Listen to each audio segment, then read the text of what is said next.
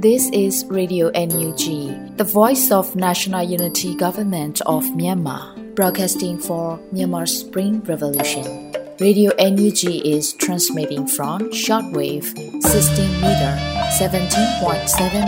MHz at 8:30 a.m. and 25 meter 11.94 MHz at 8:30 p.m. Myanmar Standard Time.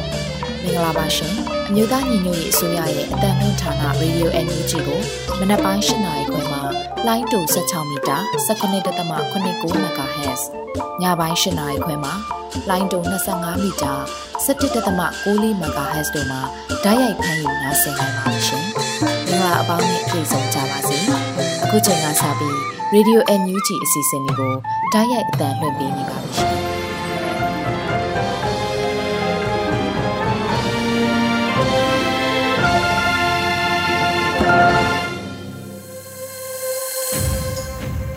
မြန်မာနိုင်ငံသူနိုင်ငံသားအပေါင်းတဘာဝပေးဆရာနာရှင်ပေတို့ကနေကင်းဝေးပြီးကိုစိတ်နှစ်ပါးပေးကင်းလုံခြုံကြပါစေလို့ရေဒီယိုအန်ယူဂျီခွဲသားများကဆုတောင်းမြတ်တာပို့သလိုက်ရပါတယ်။ခုချိန်ကစပြီးပြည်တွင်းသတင်းများကိုနေဦးနိုင်မှဖတ်ကြားတင်ပြပေးပါရမရှင်။မင်္ဂလာပါရှင်။အခုချိန်ကစပြီး Radio UNG ရဲ့နောက်ဆုံးရသတင်းများကိုဖတ်ကြားပေးပါရမယ်။ကျွန်မအနွေဦးမိုင်းပါ။ပထမဆုံး ဂျပန်ဝန်ကြီးချုပ်ခေါင်းမစ္စတာရှင်ဆိုအာဘေးကွယ်လွန်ခြင်းအတွက်ဝန်내ကျောင်းတဝင်လွှာပြည်ထောင်စုလွှတ်တော်ကိုစားပြုကော်မတီပေးပို့တဲ့သတင်းကိုတင်ပြပေးပါမယ်။ဂျပန်ဝန်ကြီးချုပ်ခေါင်းမစ္စတာရှင်ဆိုအာဘေးကွယ်လွန်ခြင်းအတွက်ဝန်내ကျောင်းတဝင်လွှာပြည်ထောင်စုလွှတ်တော်ကိုစားပြုကော်မတီပေးပို့ခဲ့ပါတယ်။ဇူလိုင်9ရက်နေ့မှာပြည်ထောင်စုလွှတ်တော်ကိုစားပြုကော်မတီကဖော်ပြခဲ့ပါတယ်။2022ခုနှစ်ဇူလိုင်လ10ရက်နေ့တွင် ဂျပန်ဝန်ကြီးချုပ်ဟောင်းမစ္စတာရှင်ဆိုအာဘေးကွယ်လွန်သွားခြင်းအတွက်ပြည်ထောင်စုလွှတ်တော်ကိုစားပြုကော်မတီနဲ့မိမိတို့ရွေးကောက်ခံလွှတ်တော်ကိုယ်စားလှယ်များအနေဖြင့်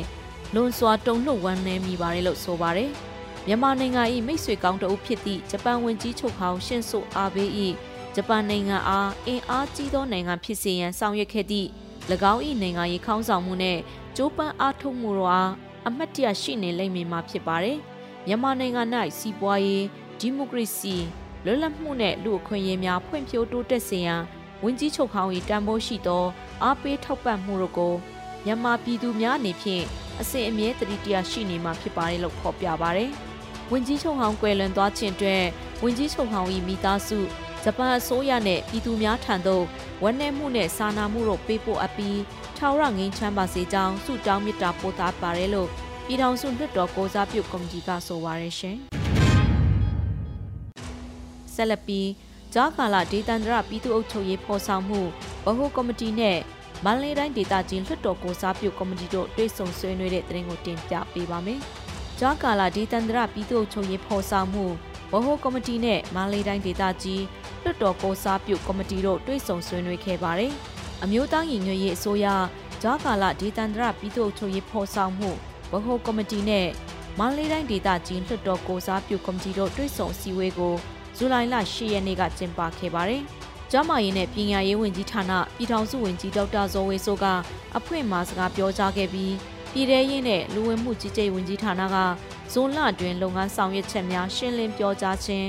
တစ်ဆိုင်ရာဦးစီးဌာနများနဲ့မန္တလေးတိုင်းတွင်ရှိအင်အားစုများကြားပုံမှန်ချိတ်ဆက်နိုင်ရေးကိစ္စရပ်များမြေပြင်ဖြစ်ပေါ်နေသည့်အခြေအနေများနဲ့ညီဟန်ချက်ညီပူပေါင်းလုပ်ကိုင်ကြရမည့်ကိစ္စရပ်များစသည်တို့ကို အခြေတဝန်းဆွေးနွေးခဲ့ကြပါတယ်။ဆွေးနွေးပွဲကိုကြားကာလဒေသန္တရပြည်သူ့အုပ်ချုပ်ရေးဖော်ဆောင်မှုဗဟိုကော်မတီဒုတိယဥက္ကဋ္ဌ1ပြည်ထရေးနဲ့လူဝင်မှုကြီးကြပ်ရေးဝန်ကြီးဌာနပြည်ထောင်စုဝန်ကြီးဦးလွန်ကိုလက်ဗဟိုကော်မတီအဖွဲ့ဝင်များမန္တလေးတိုင်းဒေသကြီးလွှတ်တော်ကိုစားပြုကော်မတီမှတာဝန်ရှိပုဂ္ဂိုလ်များဝန်ကြီးဌာနအသီးသီးမှအမြဲတမ်းအတွင်းဝင်များညွှန်ကြားရေးမှူးချုပ်များတက်ရောက်ဆွေးနွေးခဲ့ပါတယ်ရှင်။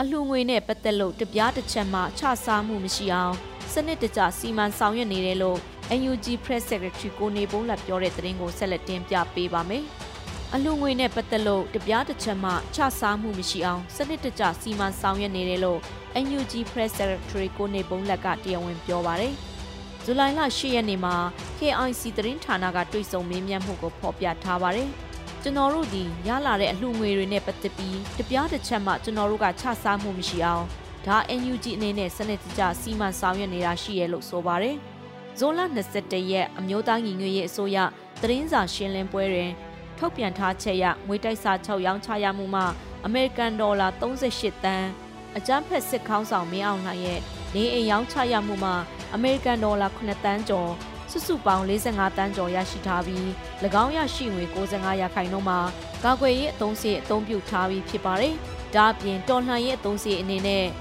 လစဉ်အမေရိကန်ဒေါ်လာ10တန်းလိုအပ်တယ်လို့လည်း AUG အစိုးရကထုတ်ပြန်ထားပါတယ်ရှင်။စစ်ကောင်စီကျင်းပမဲ့ရွေးကောက်ပွဲအမျိုးသားဒီမိုကရေစီအဖွဲ့ချုပ်ပါတီအတိအမှတ်ပြုမည်မဟုတ်ကြောင်းထုတ်ပြန်တဲ့သတင်းကိုဆက်လက်တင်ပြပေးပါမယ်။ စစ်ကောင်စီကျင်းပမဲ့ရွေးကောက်ပွဲအမျိုးသားဒီမိုကရေစီအဖွဲ့ချုပ်ပါတီအတိအမှတ်ပြုမည်မဟုတ်ကြောင်းထုတ်ပြန်ကြေညာပါတယ်။ဇူလိုင်9ရက်နေ့အမျိုးသားဒီမိုကရေစီအဖွဲ့ချုပ်ပါတီဗဟိုအလုပ်ကော်မတီကသတင်းထုတ်ပြန်ချက်အမှတ်ခုနှစ်မြင်းဆောင်2022နဲ့ထုတ်ပြန်ခဲ့ပါတယ်။ထုတ်ပြန်ချက်အရ2020ခုနှစ်နိုဝင်ဘာလ10ရက်နေ့တွင်ကျင်းပခဲ့သော အထွေထွေရွေးကောက်ပွဲတွင်မင်းဆန္ဒနယ်စုစုပေါင်း1181နယ်ရှိရာ 1119နယ်တွင်ကျင်းပနိုင်ခဲ့ပြီးဆန္ဒမဲပေးခွင့်ရှိသူ38တန်းကျော်ရှိရာတွင်ပြည်သူ့လွှတ်တော်တွင်လူဦးရေ28တန်းကျော်အမျိုးသားလွှတ်တော်တွင်29.5တန်းကျော်တိုင်းဒေသကြီးနှင့်ပြည်내လွှတ်တော်များတွင်လူဦးရေတန်းပေါင်း30ကျော်လာရောက်မေးပေးခဲ့သဖြင့်ရာခိုင်နှုန်းအဖြစ်87ရာခိုင်နှုန်းကျော်ခဲ့သည်ကိုတွေ့ရှိခဲ့ရပါတယ်။အမျိုးသားဒီမိုကရေစီအဖွဲ့ချုပ်မှမဲဆန္ဒနယ်အားလုံး၏82.36ရာခိုင်နှုန်းအနိုင်ရရှိပြီး တွတ်တော်ကိုယ်စားလှယ်920ဦးရွေးချယ်တင်မြှောက်ခံခဲ့ရတယ်လို့ဖော်ပြပါတယ်။မြန်မာပြည်သူတို့ဟာ COVID-19 ကပ်ရောဂါကိုရင်ဆိုင်ပြီးမိမိတို့ဆန္ဒကိုရဲရင်စွန့်စားဖော်ထုတ်ခဲ့ကြပါတယ်။နိုင်ငံတကာတန်တမာများနဲ့ရွေးကောက်ပွဲစောင့်ကြည့်လေ့လာသူအရက်ဖက်ဖွဲ့အစည်းများကလည်းလွတ်လပ်ပြီးတရားမျှတသောရွေးကောက်ပွဲအဖြစ်အတိအမှတ်ပြုခဲ့ကြပါတယ်။တရားဝင်ဖွဲ့စည်းထားရှိပြီးရွေးကောက်ပွဲနဲ့ပတ်သက်၍အပိသက်ဆုံးဖြတ်ပိုင်ခွင့်အာဏာရှိသော ပြည်ထောင်စုရွေးကောက်ပွဲကော်မရှင်ကလည်း2020ခုနှစ်အထွေထွေရွေးကောက်ပွဲရလဒ်အားတရားဝင်ထုတ်ပြန်ကြေညာခဲ့ပြီးဖြစ်သည့်အတွက်2020ခုနှစ်ရွေးကောက်ပွဲရလဒ်တည်တာပြည်သူ့ဆန္ဒနဲ့အညီတရားဝင်တည်ရှိနေဆဲဖြစ်ပြီးအမျိုးသားဒီမိုကရေစီအဖွဲ့ချုပ်သည်ပြည်သူစင့်လွှဲအာဏာကိုအကျွမ်းမဲ့လက်ခံယုံကြည်ကင်ဆွဲထားပါတယ်လို့ထုတ်ပြန်ပါတယ်။တို့ရရင်စစ်ခေါင်းဆောင်တစု၏ပြည်သူဆန္ဒကိုလက်လူရှုကာအ တ္တမအာဏာသိမ်းပြီးရွေးကောက်ပွဲရလဒ်ကိုပြစ်ပယ်မှုကြောင့်ပြည်သူလူထုတရက်လုံးမှစစ်ကောင်စီကိုစန့်ကျင်တော်လှန်မှုများနိုင်ငံတော်ဝန်လုံးပေါ်ပေါက်ခဲ့ပြီးတိုင်းပြည်အခြေအနေမှာလွန်စွာဆိုးဝါးလာသောအခြေအနေသို့ရောက်ရှိနေစဉ်စစ်ကောင်စီသည်ပြည်သူလူထုနဲ့နိုင်ငံတကာကိုလှည့်စားရန်နောက်ထပ်ရွေးကောက်ပွဲတစ်ခုကိုကျင်းပရန်ကြံစီအားထုတ်နေသည်ကိုကြားသိနေရပါတယ်။အာနာသိန်းစစ်ကောင်စီ၏အတ္တမအာနာရယူမှုသည်၎ င်းတို့ကိုယ်တိုင်ပြဋ္ဌာန်းအတည်ပြုထားသောဖွဲ့စည်းပုံအခြေခံဥပဒေနှင့်ပင်လင်ညီညွတ်မှုမရှိသည့်တာမကနိုင်ငံတော်သမရကတာလင်ဖွဲ့စည်းခွင့်ရှိပြီးပြည်ထောင်စုလွှတ်တော်ကအတည်ပြုထားသည့်တရားဝင်ပြည်ထောင်စုရွေးကောက်ပွဲကော်မရှင်ကိုဖျက်သိမ်းပြီးအသက်ဖွဲ့စည်းမှုသည်တရားဝင်မှုမရှိပါသဖြင့်၎င်းအဖွဲ့၏ဆောင်ရွက်သမျှသောဥပဒေ၊ဤဥပဒေနှင့်လုပ်ငန်းစဉ်များအားလုံးရွေးကောက်ပွဲအပါဝင်သည့် မိတိဥပဒေလှုပ်ထုံးလုပ်နည်းများနဲ့မျှညီညွတ်မှုမရှိပါသဖြင့်မိမိတို့အမျိုးသားဒီမိုကရေစီအဖွဲ့ချုပ်အနေဖြင့်လုံးဝအတိအမှတ်မပြုလက်ခံမည်မဟုတ်ပါကြောင်းသတင်းထုတ်ပြန်အပ်ပါတယ်လို့ဖော်ပြပါရရှင်။ဆက်လက်ပြီးမတူပီမြို့နယ်ပညာရေးဘောအဖွဲ့ကပြည်သူပညာရေးကျောင်းပေါင်း82ကျောင်းဖွင့်လှစ်နိုင်ပြီလို့ဆိုလိုက်တဲ့သတင်းကိုတင်ပြပေးပါမယ်။မတူပီမျိုးနယ်ပညာရေးဘုတ်အဖွဲ့ကပြည်သူပညာရေးကျောင်းပေါင်း82ကျောင်းဖွင့်လှစ်နိုင်ပြီလို့ဆိုပါရယ် အမျိုးသားညီညွတ်ရေးအစိုးရပညာရေးဝန်ကြီးဌာန၏လမ်းညွှန်ချက်များဖြင့်ချင်းပြည်နယ်မတူပီမြို့နယ်ပညာရေးဘုတ်အဖွဲ့သည်2022-2023ပညာသင်နှစ်တွင်ပြည်သူ့ကျောင်းများဖွင့်လှစ်နိုင်ရေးအတွက်ပူးပေါင်းလှုပ်ဆောင်ခဲ့ပါရယ်2022ခုနှစ်ဇွန်လ1ရက်နေ့မှစ၍မတူပီမြို့နယ်ပညာရေးဘုတ်အဖွဲ့ဟာကျောင်းပေါင်း82ကျောင်းပြည်တွင်းပြည်ပចောင်းသားပေါင်း6098ဦးနဲ့ တင်ကြားရေးဆရာဆရာမအင်အားပေါင်း68ဦးတို့ဖြင့်ပြည်သူပညာရေးကျောင်းများဖွင့်လှစ်တင်ကြားနေပြီလို့ဆိုပါတယ်။မတူပီမျိုးနယ်ပညာရေးဘုတ်အဖွဲ့ဟာဆရာအတက်တင်တင်နန်းများကိုဖွင့်လှစ်ကာတင်နန်းသားတင်နန်းသူပေါင်း312ဦးကိုအောင်မြင်စွာတင်နန်းပေးနိုင်ခဲ့ပါတယ်ရှင်။ကချင်ဒေသတွင်စစ်ကောင်စီတပ်အားစွန့်ခွာ၍ပြည်သူဖက်တော်ကူပြောင်းခဲ့သောအရာရှိစစ်တီထဲမှ ၄ဦးကိုငွေချက်သသိန်းစီပြည်သူပန်းနိုင်မှတဆင့်ပြည်သူကုံပြုံငွေပေးအပ်ချင်းမြင့်တဲ့တရင်ကိုဆက်လက်တင်ပြပေးပါမယ်။ကချင်ဒေသတွင်စစ်ကောင်စီတပ်အားစွန့်ခွာ၍ပြည်သူ့ဘက်တော်ကူပြောင်းခဲ့သောအရာရှိစစ်တီထဲမှ၄ဦးကိုဝေချက်တသိန်းစီပြည်သူ့ပန်းနိုင်မှတဆင့်ပြည်သူ့ကုံပြုငွေပေးအပ်ချီးမြှင့်ခဲ့ပါတယ်။ဇူလိုင်9ရက်နေ့မှာပြည်သူ့ပန်းနိုင်အဖွဲ့ကသတင်းထုတ်ပြန်ပါတယ်။ຫນွေဦးတော်လှန်ရေးအစမှလက်ရှိအချိန်ထိ ကချင်ဒေသလွတ်မြောက်နေမြေဖက်သို့အကြမ်းဖက်စစ်ကောင်စီ၏လက်အောက်မှလက်နက်ခဲယမ်းများဖြင့်ပြည်သူ့ဘက်သို့ကူပြောင်းရည်တည်ခဲ့သောဗိုလ်မှူးတဦးဗိုလ်ကြီးတဦးနှင့်စစ်သေးကူဦးစုစုပေါင်း12ဦးရှိခဲ့ပါတယ်။ပြည်သူတို့၏ဆက်သွယ်ကူညီမှုကြောင့်ပထမဦးစွာ၎င်းတို့အထဲမှ၄ဦးကိုတက်ဆိုင်ရာဖွဲ့စည်းများနှင့်ချိတ်ဆက်၍ဂုံပြုံငွေတသိန်းစီကိုပေးအပ်ခဲ့ပါတယ်။ကြန့်ရှိနေသောအရာရှိစစ်သည်များကိုလည်းထပ်မံချိတ်ဆက်၍ပေးပို့သွားမည်ဖြစ်ကြောင်းပြည်သူထံသို့ အသိပေးတင်ပြပါတယ်လို့ပြည်သူ့ပန်းနိုင်အဖွဲ့ကဆိုပါတယ်။စစ်ကောင်စီတပ်မှစွန့်ခွာ၍ CDM ပြုလုပ်ကပြည်သူနဲ့အတူရပ်တည်ခြင်းသည့်အရာရှိစစ်သည်များအနေဖြင့်ပြည်သူ့ပန်းနယ်အဖွဲ့၏ Telegram သို့ချိတ်ဆက်မေးမြန်း၍လိုအပ်သည့်အကူအညီရယူနိုင်ကြောင်းဆိုပါရရှင်။ဆက်လက်ပြီးအိန္ဒိယခါဂျိုးတတောင်ထိုးတနက်ကတ္တပဝိဇာ PDF ထုတ်လုပ်အောင်မြင်တဲ့သတင်းကိုတင်ပြပေးပါမယ်။အိန္ဒိယခါဂျိုးတထောင်ထိုးတနက်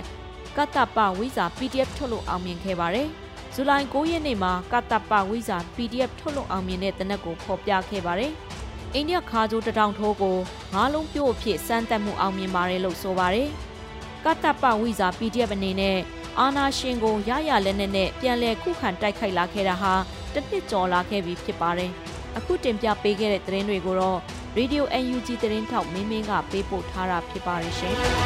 ။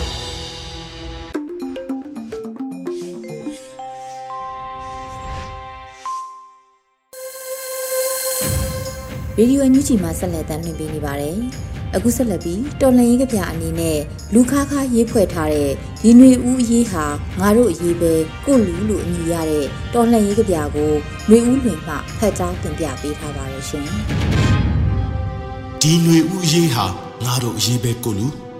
ຫນွေဦးအရေးဟာငါတို့အရေးပဲကိုလူသွေးအေးပြီးအေးဆေးမနေနဲ့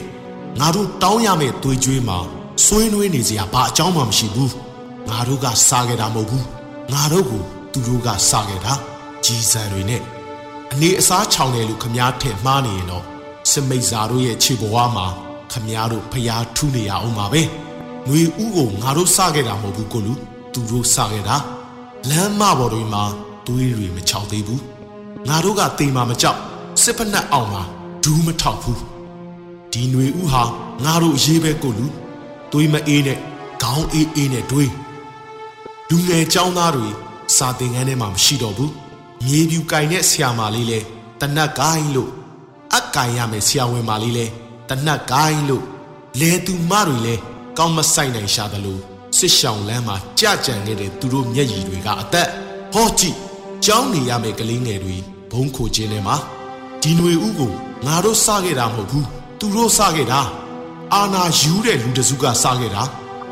ငါတို့မှာကရွေးချယ်စရာလည်းခုမရှိခဲ့ဘူးလက်နက်ကင်တော်လန်ယုံမှတပါဒီຫນွေဥအရေးဟာငါတို့အရေးပဲကိုလူသွေးမအေးနဲ့မိစ္ဆာစစ်ခွေးနဲ့ငါတို့မှာဆွေးနွေးစရာဘာမှမရှိခမားသေးချပြန်တွေ့ကြည့်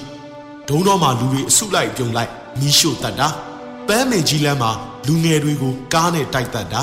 စနိုက်ပါကြီးတင်းခဲ့တဲ့သူတွေအပြစ်မဲ့ပြည်သူတွေနဲ့ကလေးငယ်တွေကိုတတ်တာမရင်းကျင်တာ ရွာတွေကိုမိရှို့ဖျက်ဆီးတာဒါတွေဟာငါတို့အတွက်ကဘာမကြည့်ပဲသွေးမအေးနဲ့ကိုလူဒီຫນွေဥတော်လိုင်းရဲ့အရေးဟာငါတို့အရေးပဲဒီຫນွေဥအရေးဟာငါတို့အရေးပဲကိုလူဒီသွေးကြွေးဟာမအားလာရဲ့လေချောင်းသွေးနဲ့ရှေဆေးပြီးမှငါတို့တော်လှန်ရေးကြီးပြီးမှလူခခ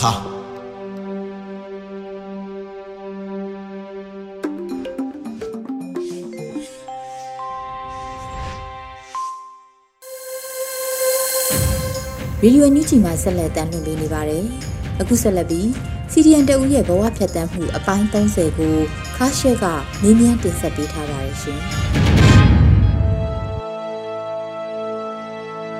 မင်္ဂလာပါခင်ဗျာ။ဆရာမကြီးကဘယ်ဌာနမှာဘယ်လိုတာဝန်မျိုးကိုလုပ်တဲ့ဘလောက်အထိထမ်းဆောင်ခဲ့လဲဆိုတာအရင်ဆုံးမိတ်ဆက်ပြောကြားပေးပါခင်ဗျာ။ပညာရေးဌာနမှာလက်ထက်တန်းကျောင်းအုပ်တူဖြစ်ပါတယ်။လုပ်သက်36နှစ်ရှိပါပြီ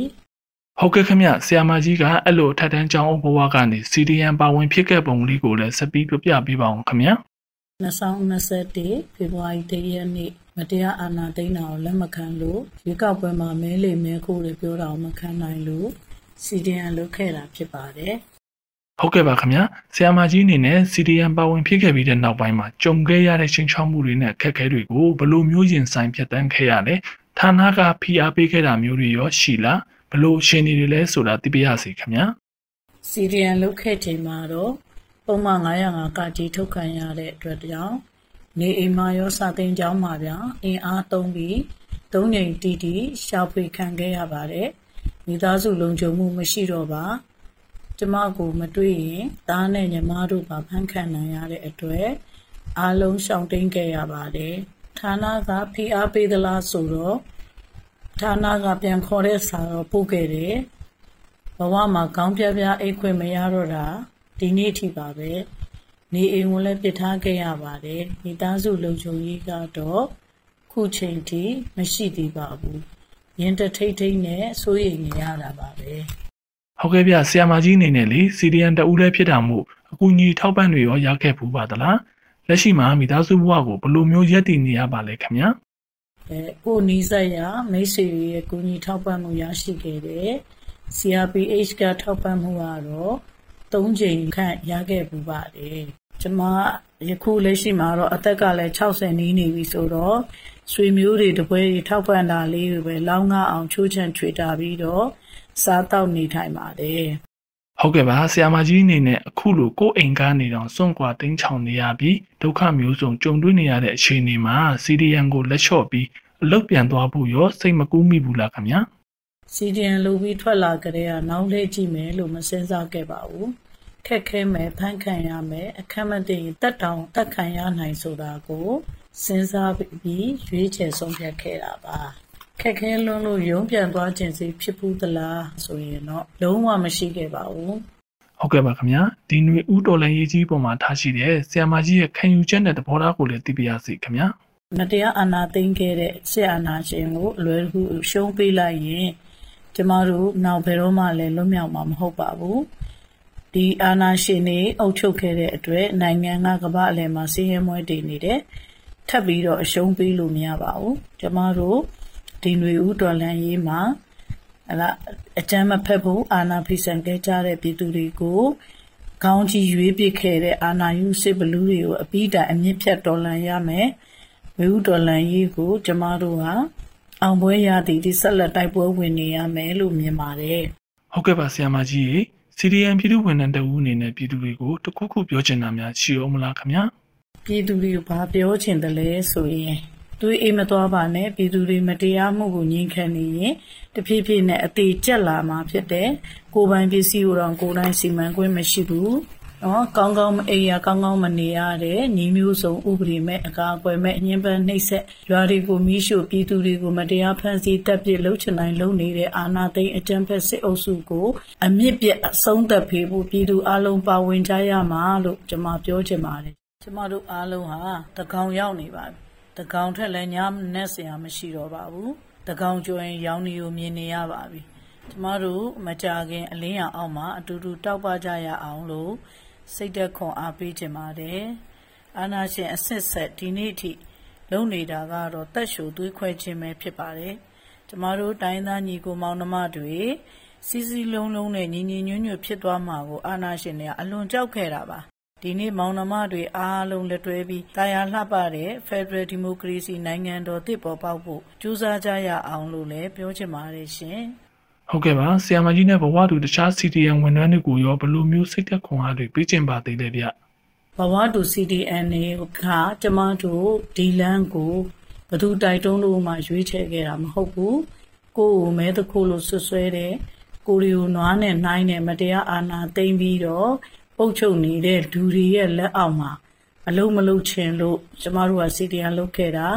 ကျမတို့ပင်ပန်းမယ်ခက်ခဲမယ်ဒါပေမဲ့တမိုင်းကပေးတဲ့တာဝန်ကိုပခုံးမော်ကြလာတဲ့တာဝန်ကိုနိုင်အောင်ထမ်းပြီးတော့အာတင်ထားကြပါလို့ပြောချင်ပါတယ်ရှင်အားလုံးကျမ်းမာကြပါစေဟုတ်ကဲ့ပါခင်ဗျာအခုလိုအချိန်ပေးပြီးဖြေကြားပေးတဲ့အတွက်ဆရာမကြီးကိုကျွန်တော်တို့ Radio NUG ကနေအထူးကျေးဇူးတင်ရှိပါတယ်ခင်ဗျာကိုမရွေးမဲ့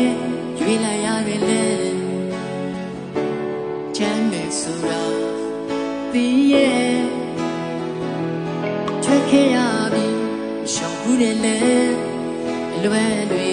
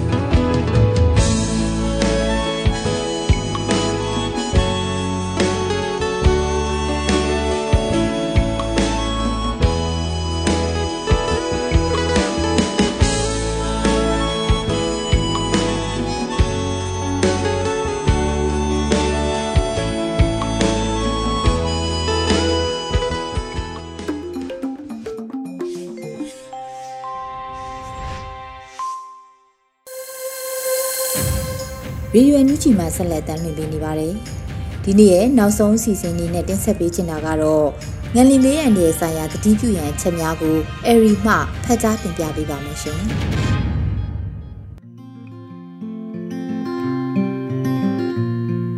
မင်္ဂလာပါရှင်။အမျိုးသားညီညွတ်ရေးအစိုးရလူသားချင်းစာနာထောက်ထားရေးနဲ့ဘေးရန်နယ်ဆိုင်ရာစီမံခန့်ခွဲရေးဝန်ကြီးဌာနကထုတ်ပြန်ထားတဲ့ငရင်ဘေးရန်နယ်ဆိုင်ရာတတိပြုရန်အချက်တွေကိုတင်ပြပေးပါမယ်။ မြန်မာနိုင်ငံဟာငရင်အန်ဒီရဲ့ကြားရောက်နိုင်ခြင်းမြင့်မားတဲ့ဘူမိအနေအထားတွေမှာတည်ရှိပြီးငရင်ဖြစ်ပွားရာနယ်မြေတွေဖြစ်တဲ့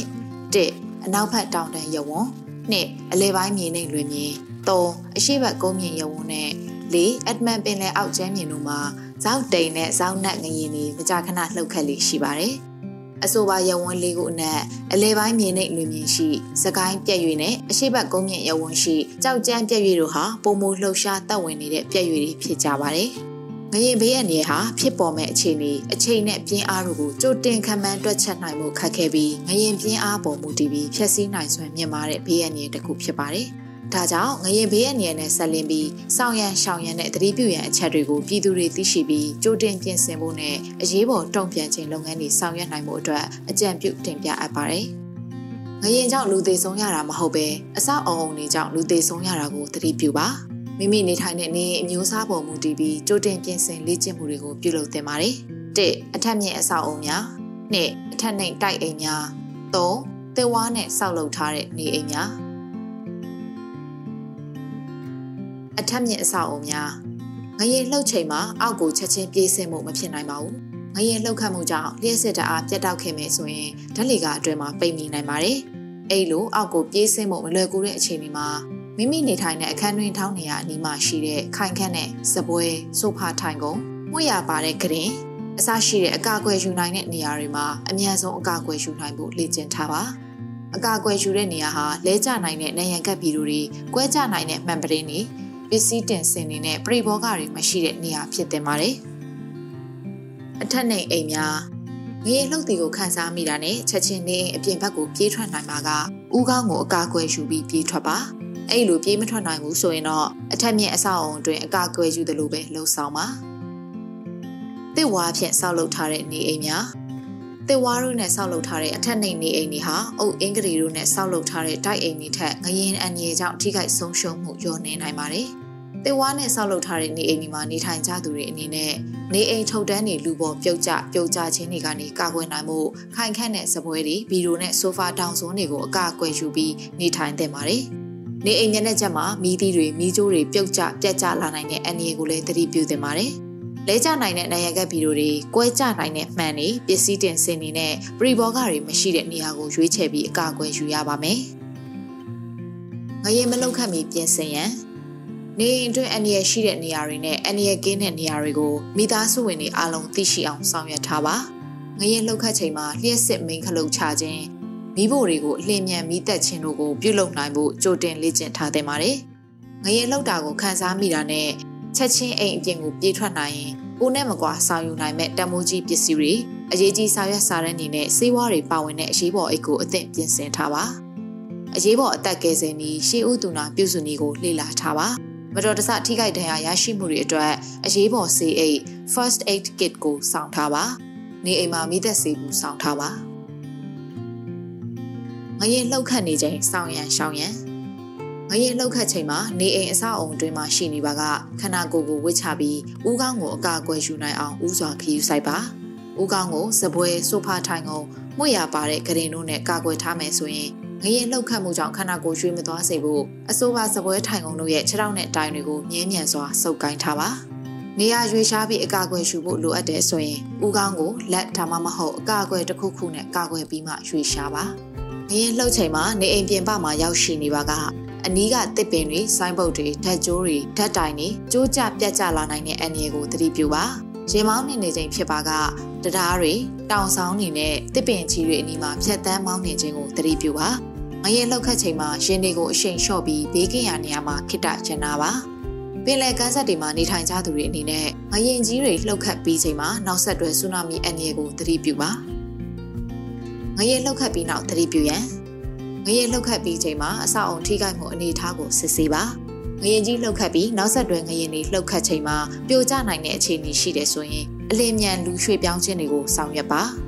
အဆောက်အုံကိုစွန့်ခွာရမယ့်အခြေအနေရှိပါကလူအများပြစ်သိပ်ပြီးတိုးဝှေ့ပြေးထွက်ခြင်းကိုရှောင်ကျဉ်ရပါမယ်ငရင်ကြောင့်ပြိုကျနိုင်ခြင်းရှိတဲ့အဆောက်အုံအစိပ်ပိုင်းတွေဟာလူအများတိုးဝေတာကြောင့်ပြိုကျပြုတ်ကျခြင်းတွေဖြစ်ပေါ်လာနိုင်ပါတယ် ငရင်လှုပ်ခတ်ပြီးတဲ့နောက်မီးလောင်ခြင်းရေကာတာတွေကျိုးပြက်၍တရက်တစ်ပြက်ရေကြီးခြင်း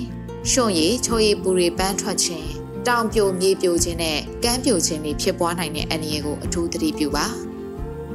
မြမပြည်သူလူထုအနေနဲ့အကြမ်းဖက်စစ်ကောင်စီရဲ့ဖိနှိပ်မှုမျိုးစုံနဲ့မတရားအာဏာသိမ်းမှုကြောင့်ဖြစ်ပေါ်လာတဲ့လူမှုဒုက္ခအဝဝကိုခံစားနေရချိန်မှာတဘာဝဘေးရန်တွေကြောင့်ထိခိုက်ဆုံးရှုံးရမှုတွေထပ်မံမဖြစ်ပွားစေဖို့အတွက်အထူးသတိပြုနေထိုင်ကြပါရန်အသိပေးနှိုးဆော်အပ်ပါတယ် မြန်မာနိုင်ငံသူနိုင်ငံသားတွေဘေးရန်တွေအမျိုးမျိုးကနေကင်းဝေးနိုင်ပါစေကြောင်းလူသားချင်းစာနာထောက်ထားရေးနဲ့ဘေးရန်ရဲ့ဆိုင်ရာစီမံခန့်ခွဲရေးဝန်ကြီးဌာနကထုတ်ပြန်ထားပါတယ်ရှင်။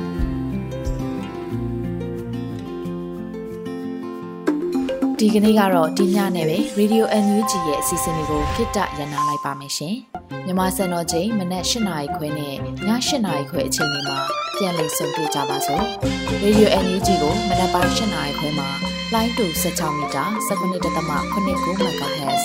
ညပိုင်း၈နာရီခွဲမှာလိုင်းတူ25မီတာ17.6 MHz တို့မှာဓာတ်ရိုက်ဖမ်းလို့နားဆင်နိုင်ပါပြီ။မြန်မာနိုင်ငံသူနိုင်ငံသားတွေကိုစိတ်နှပြ